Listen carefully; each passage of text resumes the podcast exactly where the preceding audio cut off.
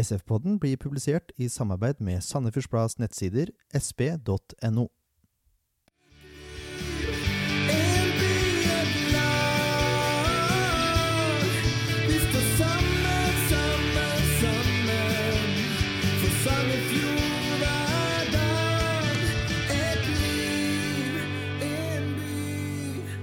God dag, mine damer og herrer, og velkommen til denne spesialepisoden av SF-podden. Onsdag 23. september så var det supportertreff på Color Line. Og der var vår egen Leif Tore Markmann, og han fikk med seg Eirik Offenberg, William Kurtovic øh, og også Lars Bohinen til øh, intervjuer. Vi starter med et lite intervju med William og Eirik først, og så er det et litt lengre intervju med Lars Bohinen etterpå. Her er bare til å nyte, og husk Søndag klokka seks er det kamp hjemme mot Haugesund. Kjenn deres besøkelsestid. Still opp, støtt guttene. Og så er det fortsatt et lite håp for at vi spiller Tippeligaen neste år. Vel bekomme. Da har jeg fått uh, æren av å prate med to av tippeligadebutantene til Sandefjord Fotball. Det er Eirik Offenberg og William Kurtovic. Uh, og først, gutter. Hva syns dere om det å debutere i Tippeligaen? Hvordan, hvordan syns dere det har vært? Nei, Det var for første en fantastisk opplevelse. Det er jo guttedrømmen som han har drømt om å jobbe som eh, mot siden han var liten. Fikk jo muligheten der mot Viking. Fikk 90 minutter og jeg er godt fornøyd med prestasjonen min. Så var, hele opplevelsen var, veldig, det var en fin opplevelse. God start. Det var det. Og William? Ja, jeg er veldig enig i det Erik sier. Det var en fantastisk opplevelse. Og det var veldig gøy å få debuten hjemme på komplett mot Norges beste lag, Rosenborg. Så nei, det var utrolig gøy. Uh, selv om du, William, er født i, i Sverige, så er dere jo Sandefjordsgutta begge to. Og det, jeg tenker at det er litt stas å spille for Sandefjord Fotball, som faktisk er i Tippeligaen også. Ja, det er helt klart det. Som sagt, det er jo det alle smågutter drømmer om eh, å jobbe mot. Eh, så det er da å spille for Sandefjord, debutere der, det er et stort steg på vei mot kanskje et videre mål, men veldig morsomt nå å spille her. Det er stort, absolutt. Ja, så klart det er et stort mål. Eh, når jeg kom til Sandefjord, så begynte jeg å spille fotball. Så det har alltid vært en drøm å begynne å spille Sandefjord fotball. Så det er stort. Um, hvis, peke, hvis, dere skal peke ut det dere mener sjøl er den største styrken dere har som fotballspiller, uh, hva vil dere si da? Ja, jeg er ikke så veldig god til å svare på det spørsmålet, men jeg vil si at jeg er forsvarsspiller. Uh, innsatsen jeg alltid legger ned i kampen, eh, tilstedeværelsen, det, ja, det vil si er min største styrker. Har en ålreit pasningsfot også. Og William? Ja. Øh, har en bra pasningsfot, øh, bra overblikk. Øh, mister sjelden ball, men når jeg først gjør det, så mister jeg kanskje noen ganger, mange ganger. Men ja. Men overblikk er kanskje det øverste, da.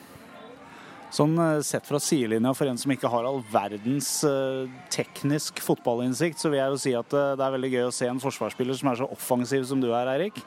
Og jeg mener også William, at du kanskje er en av de beste, beste skuddfotene på laget for tida. Fantastiske dødballer, bl.a. Det er sånn jeg opplever dere, i hvert fall. Uh, hvis vi skal se på den helt andre siden av skalaen, da, hva, hva, mener det, hva, mener dere er den største svakheten, og ting som dere kanskje føler virkelig dere må legge ned innsats for å jobbe, jobbe mot og, og forbedre? Ja. Eh, først og fremst er det kanskje én mot én defensivt, føler jeg. Sliter jeg litt defensivt. I tillegg så Tidligere har eh, luftduellene vært min styrke, men når jeg nå har tatt et steg opp, så merker jeg at fysikken der er mye å jobbe med. Luftduellene generelt. Og du, William? Ja, Det er mye defensivt på meg òg. Eh, mot én og duellspillet. Eh, jeg mister ball, at reaksjonen da, etter, etter balltap. Da er mye å gå på fortsatt. Så ja, det er de tingene. Hvis, eh, hvis, Sandefjord nå skulle ende opp med å rykke ned til, til Obos-ligaen, førstedivisjon, som faktisk er et steg ned for dere nå, som faktisk har spilt i Tippeligaen begge to, er det å anse som et nederlag, eller er det egentlig greit nok i den situasjonen dere er eh, som fotballspillere nå? Nei, det Å rykke ned fra Tippeligaen er absolutt å se anses som et nederlag, men for min del personlig så kan det hende det gir meg enda større muligheter til å spille meg inn fast. Så Sånn sett kan man se positivt på det, men man vil jo på en måte alltid være øverst opp på høyest mulig nivå. da. Så, ja, skal gi alt de siste kampene og se hva det holder til. Ja, man vil ikke rykke ned, så klart, men eh, på en annen måte så må man se på den annen side, da. Eh, At eh, det kan gi andre muligheter. Flere unge og mer spilletid, så ja, det var positivt. Eh, Lars Bohinen sa tidligere her i kveld at eh, han opplever Sandefjord som et lag som ligger litt sånn og, og vaker i vannskorpa mellom førstedivisjon og, og Eliteserien. At man liksom kanskje er litt for gode til førstedivisjon, men kanskje ikke helt på nivå i Tippeligaen. Eh, nå antar vi at Lars ikke hører på podkasten, så nå kan dere si akkurat hva dere mener. Er dere enig i den beskrivelsen der? Ja, du kan jo si ut fra prestasjonene våre i fjor og i år, så ser det i hvert fall veldig riktig ut. Så jeg må jo Ja, jeg må jo si at han har litt rett der. Jeg er litt enig. Men vi skal gjøre alt vi kan for å, hvis vi skulle rykke ned nå, rykke opp i neste år og etablere oss. Det har jeg tro på. Du William, er du enig med Lars, eller? uh, ja, jeg må si at jeg er litt enig der. Uh, men hvis vi rykker ned, så har jeg stor tro på at vi rykker rett opp igjen. Liksom. Skal vi være enige da at hvis vi rykker ned, så, så spiller vi i Obos i 2016, og så er det Tippeliga i 2017 igjen? Er vi enige om det? Det er vi enige om, helt klart. Skal jeg love. Det er vi enige om. Da sitter jeg her sammen med hovedtrener i Sandefjord Fotball, Lars Bohinen. Eh, og Lars, aller først, eh, du har jo hatt en, en litt, eh, skal vi si litt interessant karriere fra aktiv spiller sjøl via sportsdirektør, og så nå er du trener. Er dette noe du har planlagt, eller kan du si litt om den prosessen, hvordan det har vært? Jeg hadde egentlig aldri planlagt å bli trener. Jeg hadde ikke noen tanker om å bli, bli trener når jeg var spiller. Jeg var mest opptatt av å bli en god spiller. Eh, Så kommer du da på et, et, et, tidspunkt i livet hvor du merker at spillekarrieren er i ferd med å bli slutt, og tenker da litt over hva jeg kunne tenke meg å gjøre. Og da, da kom jeg i kontakt med Vålerenga. eh, Og fikk en liten smak på det administrative livet der. Og Det likte jeg egentlig ganske godt. Jeg liker å jobbe strukturert og planlegge og tenke langsiktig. Og, og fant ut at eh, det jeg hadde lyst på. Eh, Samtidig så var jeg jo assistenttrener med Geir Bakke, eh, med, med Kjetil Rekdal som hovedtrener, og likte for så vidt det òg. Så når Rekdal trakk seg i 2006 så fikk jeg tilbud om å ta over Vålerenga, men jeg følte at det var litt for tidlig for meg. Jeg trivdes egentlig godt i den administrative biten.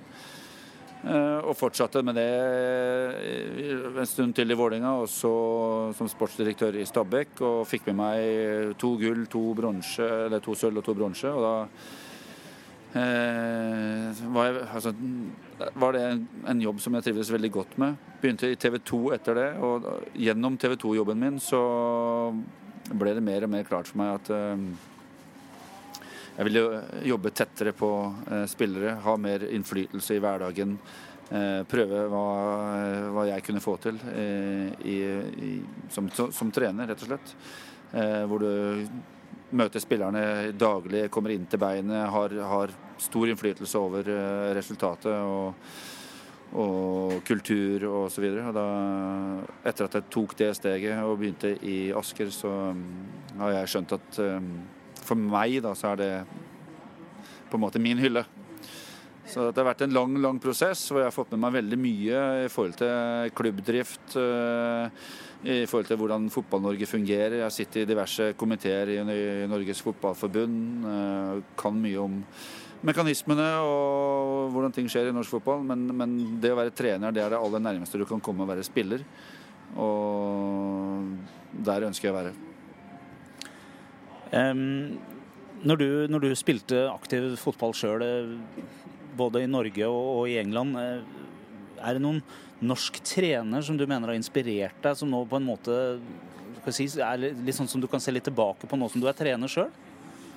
Eh, Om ikke inspirert meg, så har jeg i hvert fall lært veldig mye av eh, Drillo i forhold til eh, sonefotball. Eh, Jeg har for så vidt lært mye av eh, treneren jeg hadde med 15-16 år, og i Bærum, eh, Tor Berntsen også. Men, men Drillo tok på en måte soneforsvaret opp til ekstrem, ek, ekstremt nivå, sånn som jeg opplever det. Og jeg prøver også å viderebringe det der hvor jeg er nå. Jeg er litt overraska over at soneprinsippene, sånn som jeg opplever det i norsk fotball, eh, eller deler av norsk fotball, da, eh, og gjerne også da i Sandefjord, eh, ikke sitter så er så inngrodd og, og forstått som jeg hadde trodd og tenkt at de var. Så vi må faktisk bruke en del tid på, og på våre spillere også, i forhold til å forstå hva sonespillet egentlig dreier seg om. Og det, der har jeg lært mye drill. Og utover det så er det vel egentlig ikke noen norske trenere som jeg Jeg har jo hatt svært få norske trenere som har inspirert meg noe veldig. Og ei heller i England. Så det Jeg har vel egentlig, sånn som jeg opplever det, lært mer av trenere som har eh, fått meg til å reflektere og tenke fordi at jeg mener at de har gjort feil, enn at de har gjort riktige ting. Veldig interessant. Eh, helt sikkert en veldig fornuftig måte å tenke på. Når man er litt uenig, så blir man nødt til å tenke litt sjøl over hvorfor ting kanskje ja. ikke fungerer osv.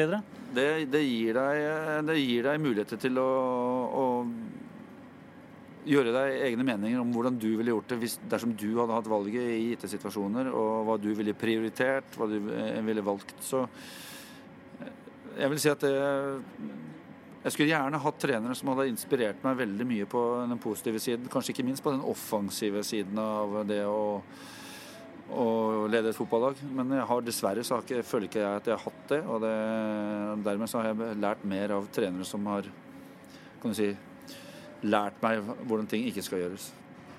Veldig spennende, egentlig. Hvis du ser litt på treningskulturen i dag eh, Sandefjord fotball f.eks. er jo et lag som har en del unge spillere på laget. Eh, ser du noe forskjell på, på treningskulturen i, eh, i, dag kontra hvordan det var når du spilte sjøl? Litt sånn grovt sagt så vil jeg si at uh, det er veldig mange i dagens fotball som uh, ikke forstår uh, hva som skal til for å bli toppspiller. Top, de forstår ikke hvor mye de må trene, hvilken kvalitet de må trene med. De skaffer seg ikke referanser i forhold til hva som er bra, hva som er god kvalitet, eh, og hva som er greit, liksom. Eh, og gjennom det så får vi, etter min mening, da, for mange spillere som eh, er fornøyd med å heve en OK lønnspakke. Får gjerne tilgang til penger litt tidlig. Glemmer å utfordre seg selv. Forstår ikke helt, som jeg sier, hva som skal til. Så får vi en generasjon fotballspillere som, eh, som er OK, som har et mye større potensial i seg eh, enn det de klarer å få ut. Fordi at eh, man har det egentlig for godt fra starten av. Kan jeg tolke deg litt dit hen at det du egentlig savner, er at en del spillere bruker mer tid på egentrening utafor den organiserte treninga laget har sammen? På terpe ferdigheter osv. osv.? Uh, ja, det, det, er, det, er, korrekt. Uh, det trenes for lite. Det legges ned for lite timer. Det legges ned for lite bevissthet i forhold til hva man bør trene på for å, for å bli bedre. Og det gjelder uh, de unge spillerne i Sandefjord fotball, som jeg har på en måte nærmest forhold til. Men det, det er også observasjoner som jeg gjør når jeg er ute i norsk fotball. Og det er egentlig litt synd, fordi jeg tror at det er mulig, er mulig å skape eh, flere Ødegårder, flere uh, Mats Dæhlier enn det vi gjør. Problemet ligger litt Det er litt sånn samfunnsproblem. og så er det litt problem i forhold til barneidrettsregler. Det er litt problem i forhold til hvordan vi strukturerer opp barnefotballen vår, og hvilke krav vi setter i ungdomsfotballen. Så det er egentlig mye å ta tak i. Jeg ser ikke noen grunn til at ikke vi skal kunne klare å produsere flere talenter, men, eh, men eh, generelt sett så, så er forståelsen blant de unge eh, spillerne om hva som skal til, den er ikke til stede. Hvis, hvis, da har du egentlig på en måte svart litt på det neste spørsmålet mitt også, som går litt på nivået på spillerne i dag kontra når du var aktiv. kanskje litt mer inn mot det med tekniske ferdigheter og den biten her. Er det noe vesensforskjell på det, eller går også det litt på at eh, det bor mer i de enn det de egentlig henter ut per i dag? Eh, den generasjonen som kommer opp nå med spillere på G16, 17, 18, 19-landslaget, de tror jeg har eh, gode tekniske ferdigheter. Gode basisferdigheter. Og så er jeg litt redd for at de kan bli på en måte strippa litt i form av at eh, alt dreier seg om pasninger, og nå skal vi spille ball hele tida. Og man glemmer viktigheten av å være god én mot én offensivt og kunne drible og sånne ting. Eh, det syns jeg er vanskelig å sammenligne ferdighetsnivået eh, fra da jeg var ung til eh, dagens unge spillere. Det jeg registrerer nå, da, det er at med mine ferdigheter så ser jeg det at Blant annet i fotballtennis eh, så, jeg, så slår jeg fortsatt de spillerne som per i dag da holder tippeliganivå. Så det, det sier litt om, om at det, er, det har vært et gap der. Og at det er et gap som vi eh, trenger å, å tette. Og, men jeg tror det at de spillerne som kommer opp nå, eh, kunstgressgenerasjonen om du vil kalle det, de vil, eh, de vil eh, tette igjen det hullet. Og kanskje slå deg i fotballtennis? Ja, til, til- slutt så vil du gjøre det. Når jeg eh, må eh, gå med krykker og en arm på ryggen, så, så gjør de det. Men eh, foreløpig så Foreløpig så er i hvert fall det når jeg måler meg mot spillerne i Sandefjord, så, så slår jeg de. Jeg slo uh, Erik Melde her om dagen. Uh, etter at jeg ikke har rørt en ball på to måneder. Så da men da, når det skal sies, eller når det sies, så skal det også sies at Melde da hadde 90 minutter i beina fra dagen før. Men, men dog, jeg slo han. Vi, Sandefjord Fotball har jo henta Martin Andresen som eh, skal vi definere som en godt voksen fotballspiller, i hvert fall. Eh, selvfølgelig ekstremt med erfaring i den kroppen der, men, men han begynner jo å dra på åra, han også. Får vi snart se Lars Bohin på banen også nå, eller? Nei, det er, det er sjanseløst. Jeg kan ikke løpe, men jeg, jeg klarer å henge med på de små bevegelsene. Martin har kommet inn og gjort det bra for oss, han. Og det, det trenger ikke si så veldig mye om norsk fotball. Han er en rutinert, klok eh, fotballspiller med, som egentlig, så lenge han klarer å løpe, så, så vil ferdighetene hans eh, komme fram. Og det, han har alltid vært en bra fotballspiller. Så at, eh, noen har sagt at det sier litt om norsk fotball hvis han klarer å hevde seg her, men eh, det er jeg helt uenig i. Det, er helt naturlig at en spiller med sånne ferdigheter, selv i en alder av 38 år, eh, kan klare å hevde seg. Det samme som når vi henta Ronny Johnsen til Vålinga i sin tid. Eh, Han var også, eh, selv om han var dårlig trent og, og eh, så Når du har de ferdighetene som du har, og har vært på det nivået du har, så handler det egentlig om ork. Klarer å løpe nok. Og det, det er egentlig det det dreier seg om. Og det, er, hadde jeg kunnet løpe i dag, så jeg vært sikker på at jeg kunne spilt i Tippeligaen, jeg òg. Ambisiøst. Et, et eh, lite spørsmål som, som er, jeg tror er litt interessant for, for enkelte, meg sjøl inkludert. For jeg har ikke så forferdelig teknisk forståelse av, av hvordan fotballstrategi fungerer, for å si det sånn. Når du gjør eh, tekniske disposisjoner i løpet av uka for å ta ut et lag, hva, hva er det som er viktig for deg da fram mot en kamp? Det er mange ting som spiller inn. Det er prestasjoner tidlig i kampen før. Eh, Det er eh, prestasjoner på trening. Det er eh, motstanderlag og hvordan de stiller opp. Eh, Det er hvordan de samarbeider med, spillere rundt seg, om det er god kjemi der eller ikke. Det kan være at vi er ute etter spesielle ferdigheter i enkelte kamp som gjør at én spiller og, ikke en annen. Eh, Primært sett så er jeg ute etter å få så mye kontinuitet og gjenkjennelse som mulig. Og I år så har det dessverre vært sånn at vi har bytta mer på laget enn noen annen klubb i Tippeligaen, og det har vært en helt åpenbar svakhet for oss. Det, eh, det kommer pga. skader og osv. Så eh, jeg liker, jeg liker å stille med mer eller mindre samme laget. Eh, Jeg tror det er lurt i forhold til eh, kontinuitet og gjenkjennelse og det å, skape samhandling og forståelse. Men dessverre så har det ikke blitt sånn i år. Men det er mange vurderinger som ligger til grunn når du tar ut et lag. Noe, veldig mange ting gir seg sjøl på ren kvalitet, men noen ganger så gjør du spesielle prioriteringer som kan virke uforståelige for de spillerne det berører. Men, eh, men sånn er det jo. Det er en del av, en del av gamet. Vi, vi i SF-podden vi, vi pleier jo å avslutte hver innspilling med å sette opp et lag som vi ønsker oss foran neste match. Eh, og vi registrerer at vi er ikke så veldig Vi treffer ikke så veldig ofte. Vi, vi bommer rett som det er på hvordan eh, førsteelveren skal se ut.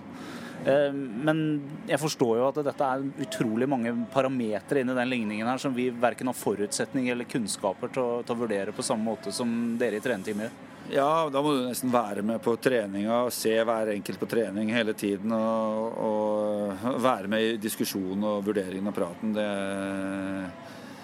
det er ikke alt det føles like logisk for de som sitter på utsiden. Og for oss så er det helt logisk, det som skjer. Men, men, men sånn vil det være nesten alltid. Altså, hvis alle hadde vært friske, så hadde på mange måter laget gitt seg sjøl. I de fleste klubbene, tror jeg.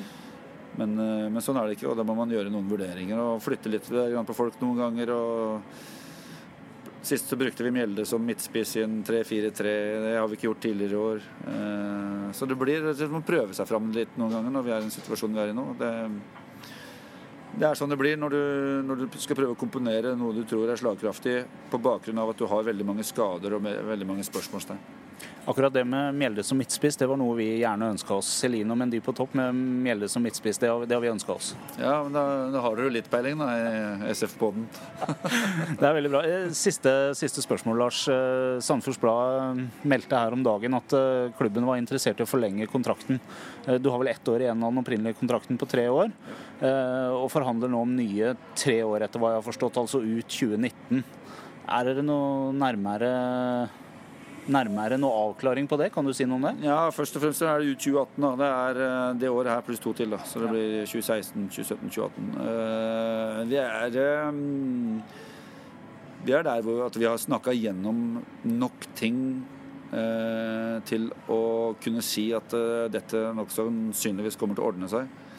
Og så er det ikke noe som er blitt satt ned på papir ennå. Men, men det er ordentlige, ærlige, redelige mennesker med gode hensikter i den klubben her. Og selv om ting ikke er satt ned på papiret, så vil jeg vel kunne si at uh, jeg tror vi blir enige, og at vi, vi finner en, uh, en, felles vei uh, framover. Det, det tar nesten for gitt. Da, jeg for min egen del, og jeg er sikker på at jeg har veldig mange med meg, er i hvert fall veldig glad for det. For jeg har veldig tro på kontinuitet, og jeg har veldig tro på, på det du har bedrevet i de to åra du har vært fram til nå. Selv om resultatene kanskje ikke har vært helt som man ønska seg, så har jeg veldig tro på kontinuitet. Så jeg er veldig glad for det. Uh, ja. Ja, det er, det er jeg har heldigvis fått en del sånne type signaler. og Det betyr at det for meg at det er en, en, tro på det som bedrives i klubben. Ikke bare fra min side, men fra klubbens side òg. Da, da, oppnår man gjerne litt mer lojalitet fra folk på utsiden. Litt mer forståelse. og det, det, trenger vi akkurat nå når det har gått litt tungt. og Så får vi prøve å snu dette her på et eller annet tidspunkt. Om vi ikke klarer det denne sesongen, så skal vi i hvert fall klare det neste. Kjempebra. Tusen takk skal du ha, Lars Bohinen. Alt i orden.